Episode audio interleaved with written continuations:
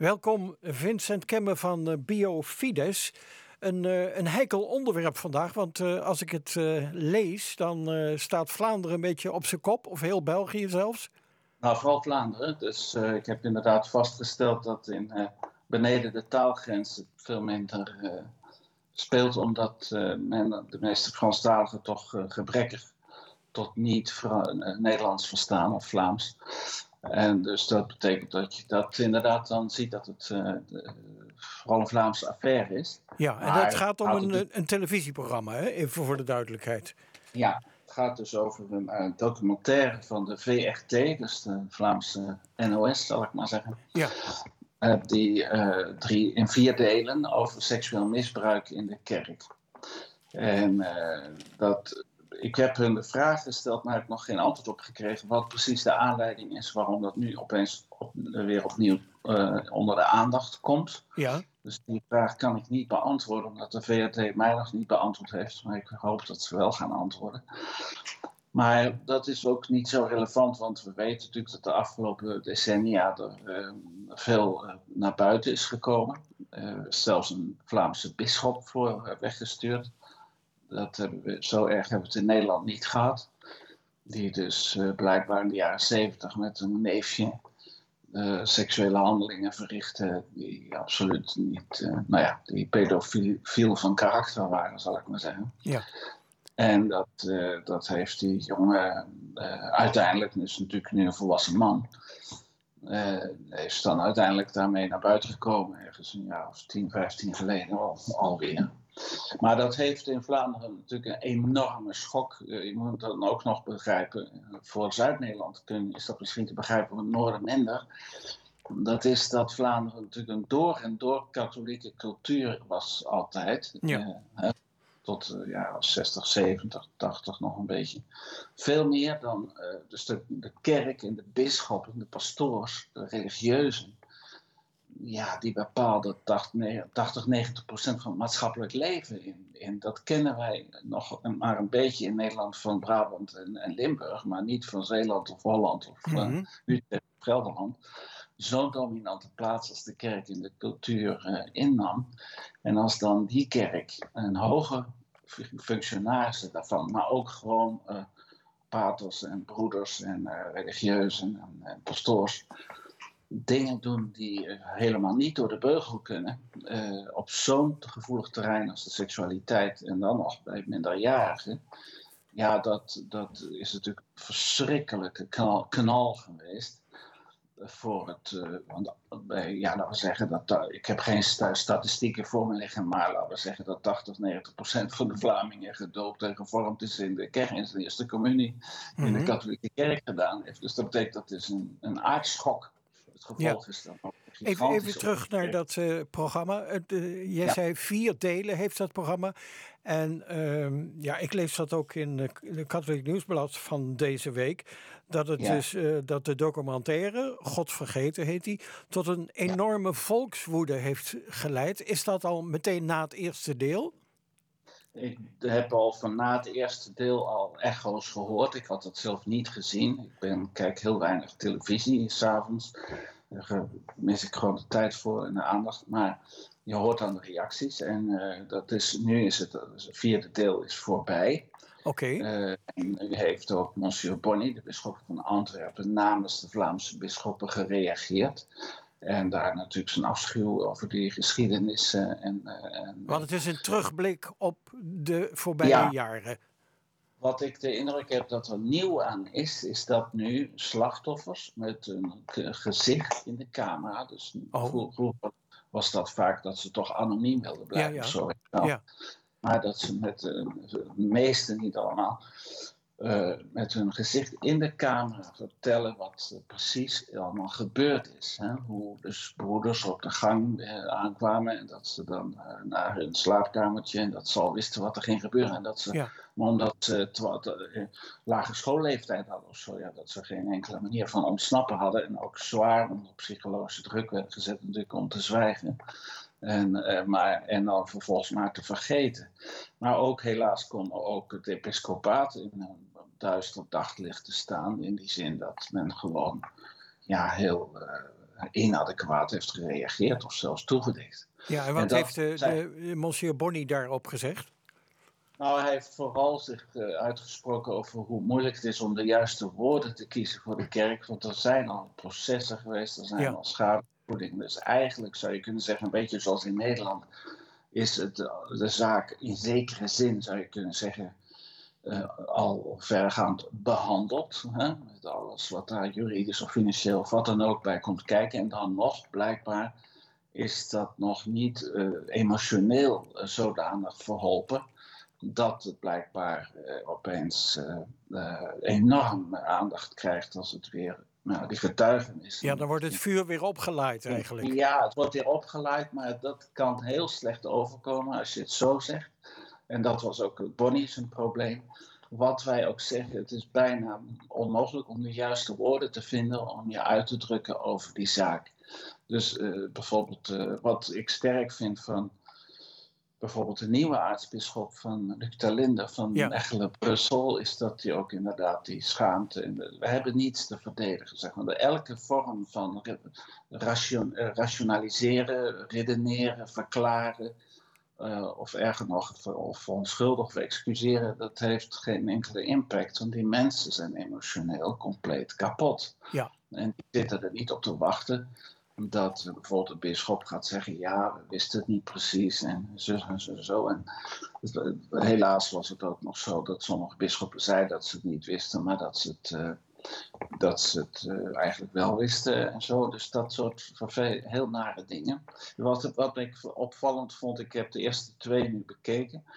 Uh, ik, eerst dacht ik, ga, dat, moet ik dat allemaal gaan bekijken. Maar ik dacht, uh, nou, dat, dat, ik hoorde nu zoveel over, ik ga het bekijken. En uh, ik ben bij deel 2 en, die, en dan zie je dat uh, de zaak Dutroux, die je wellicht herinnert, van die ja, twee ja. meisjes in die kelder, van die, Ja. van, dat, speelt, zich- dat speelt zich dan af in Wallonië. Kijk, en wat er in Wallonië gebeurt, zeker in die orde, dat is. eh, eh, eh, dat komt wel in Vlaanderen en zelfs in Nederland wordt dat bekend. Hè? Dus eh, daar gaat wel de taalgrens over. En eh, die, eh, wat ik ervan geleerd heb, is dat die zaak Dutroux eigenlijk de kerk, het kerkelijk misbruik bespreekbaar heeft gemaakt. Zo klinkt, dat klinkt positiever als ik het bedoel. Het is Mhm. gewoon een, dramatisch dat er zoiets voor nodig is. Zoiets gruwelijks, maar dan niet in de kerk, maar in de samenleving als zodanig. Eh, dat eh, opeens eh, dat een, een, een vonk geeft aan het gesprek aan de mensen die dus um, seksueel misbruik ondergaan hebben in de kerk, door, door pastoors of broeders of zelfs een, een bisschop, dat, dat het opeens een bespreekbaar onderwerp is. Dat die mensen durven opeens te gaan spreken, weet je wel. En dat is positief, vind je? en dat is natuurlijk positief, want Ja. dan komt eh, etter, uit- kan daar beter uit de mond opkomen. En dan eh, hè, is de kans op genezing beter als dat het blijft eh, prutten. En wat, En- wat merk je van die volkswoede, Vincent? Nou, de golven van, eh, wat ik lees, is golven van, eh, van eh, mensen die dus eh, zich wel laten uitschrijven of om te dopen, zoals men dat dan eh, noemt, wat technisch onmogelijk is, maar in ieder geval, dat geeft dan een golf van eh, reacties. Mensen die toch al waarschijnlijk niet heel erg praktiserend zijn, maar die dan Mhm. hierin aanleiding vinden om. eh, maar gewoon ook in de media, er wordt veel over gesproken. En veel eh, over, ook in de sociale contacten. Iedereen heeft het er gewoon over. Ja. Ja, de, nou, voor, ik de, voor de uitzending ver- vertelde jij iets over jouw tandarts.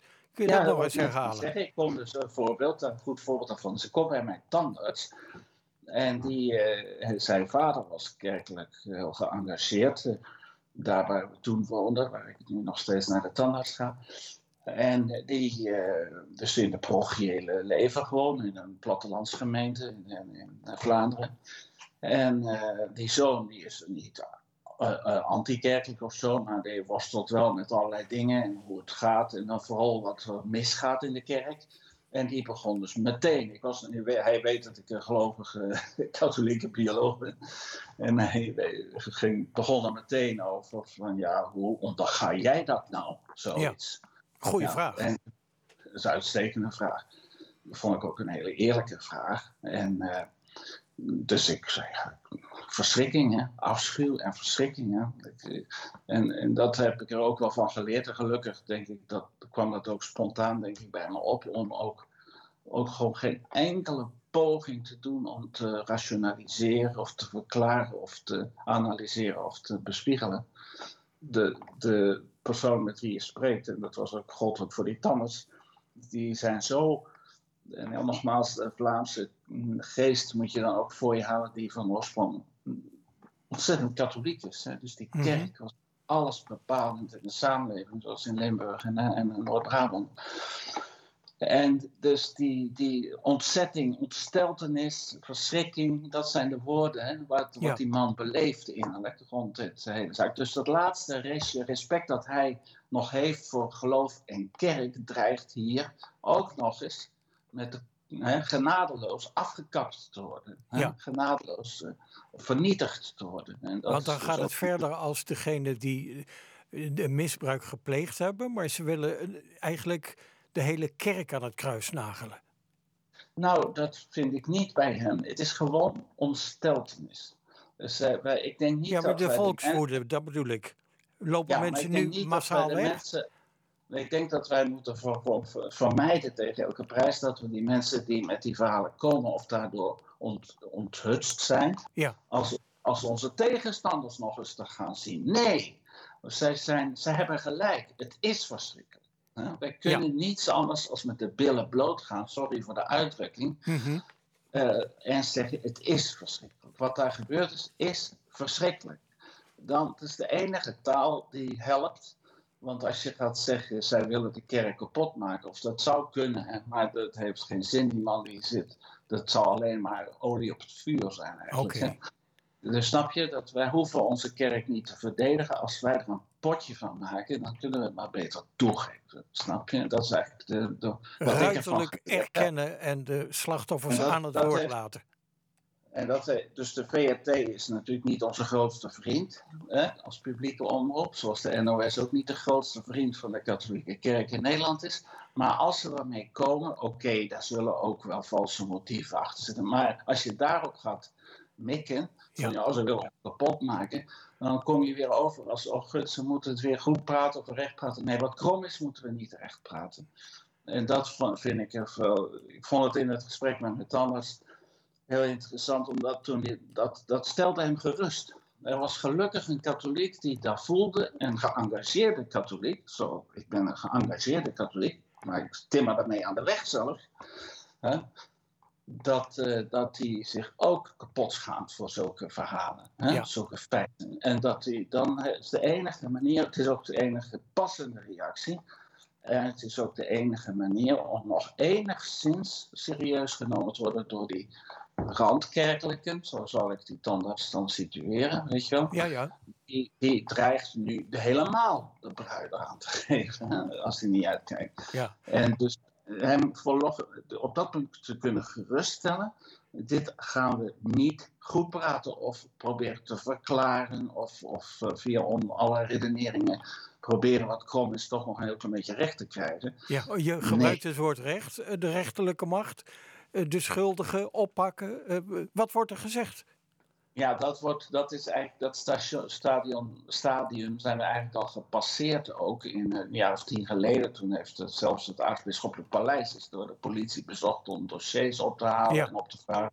Dus dat juridische traject is allemaal verjaard natuurlijk enzovoort. Hè.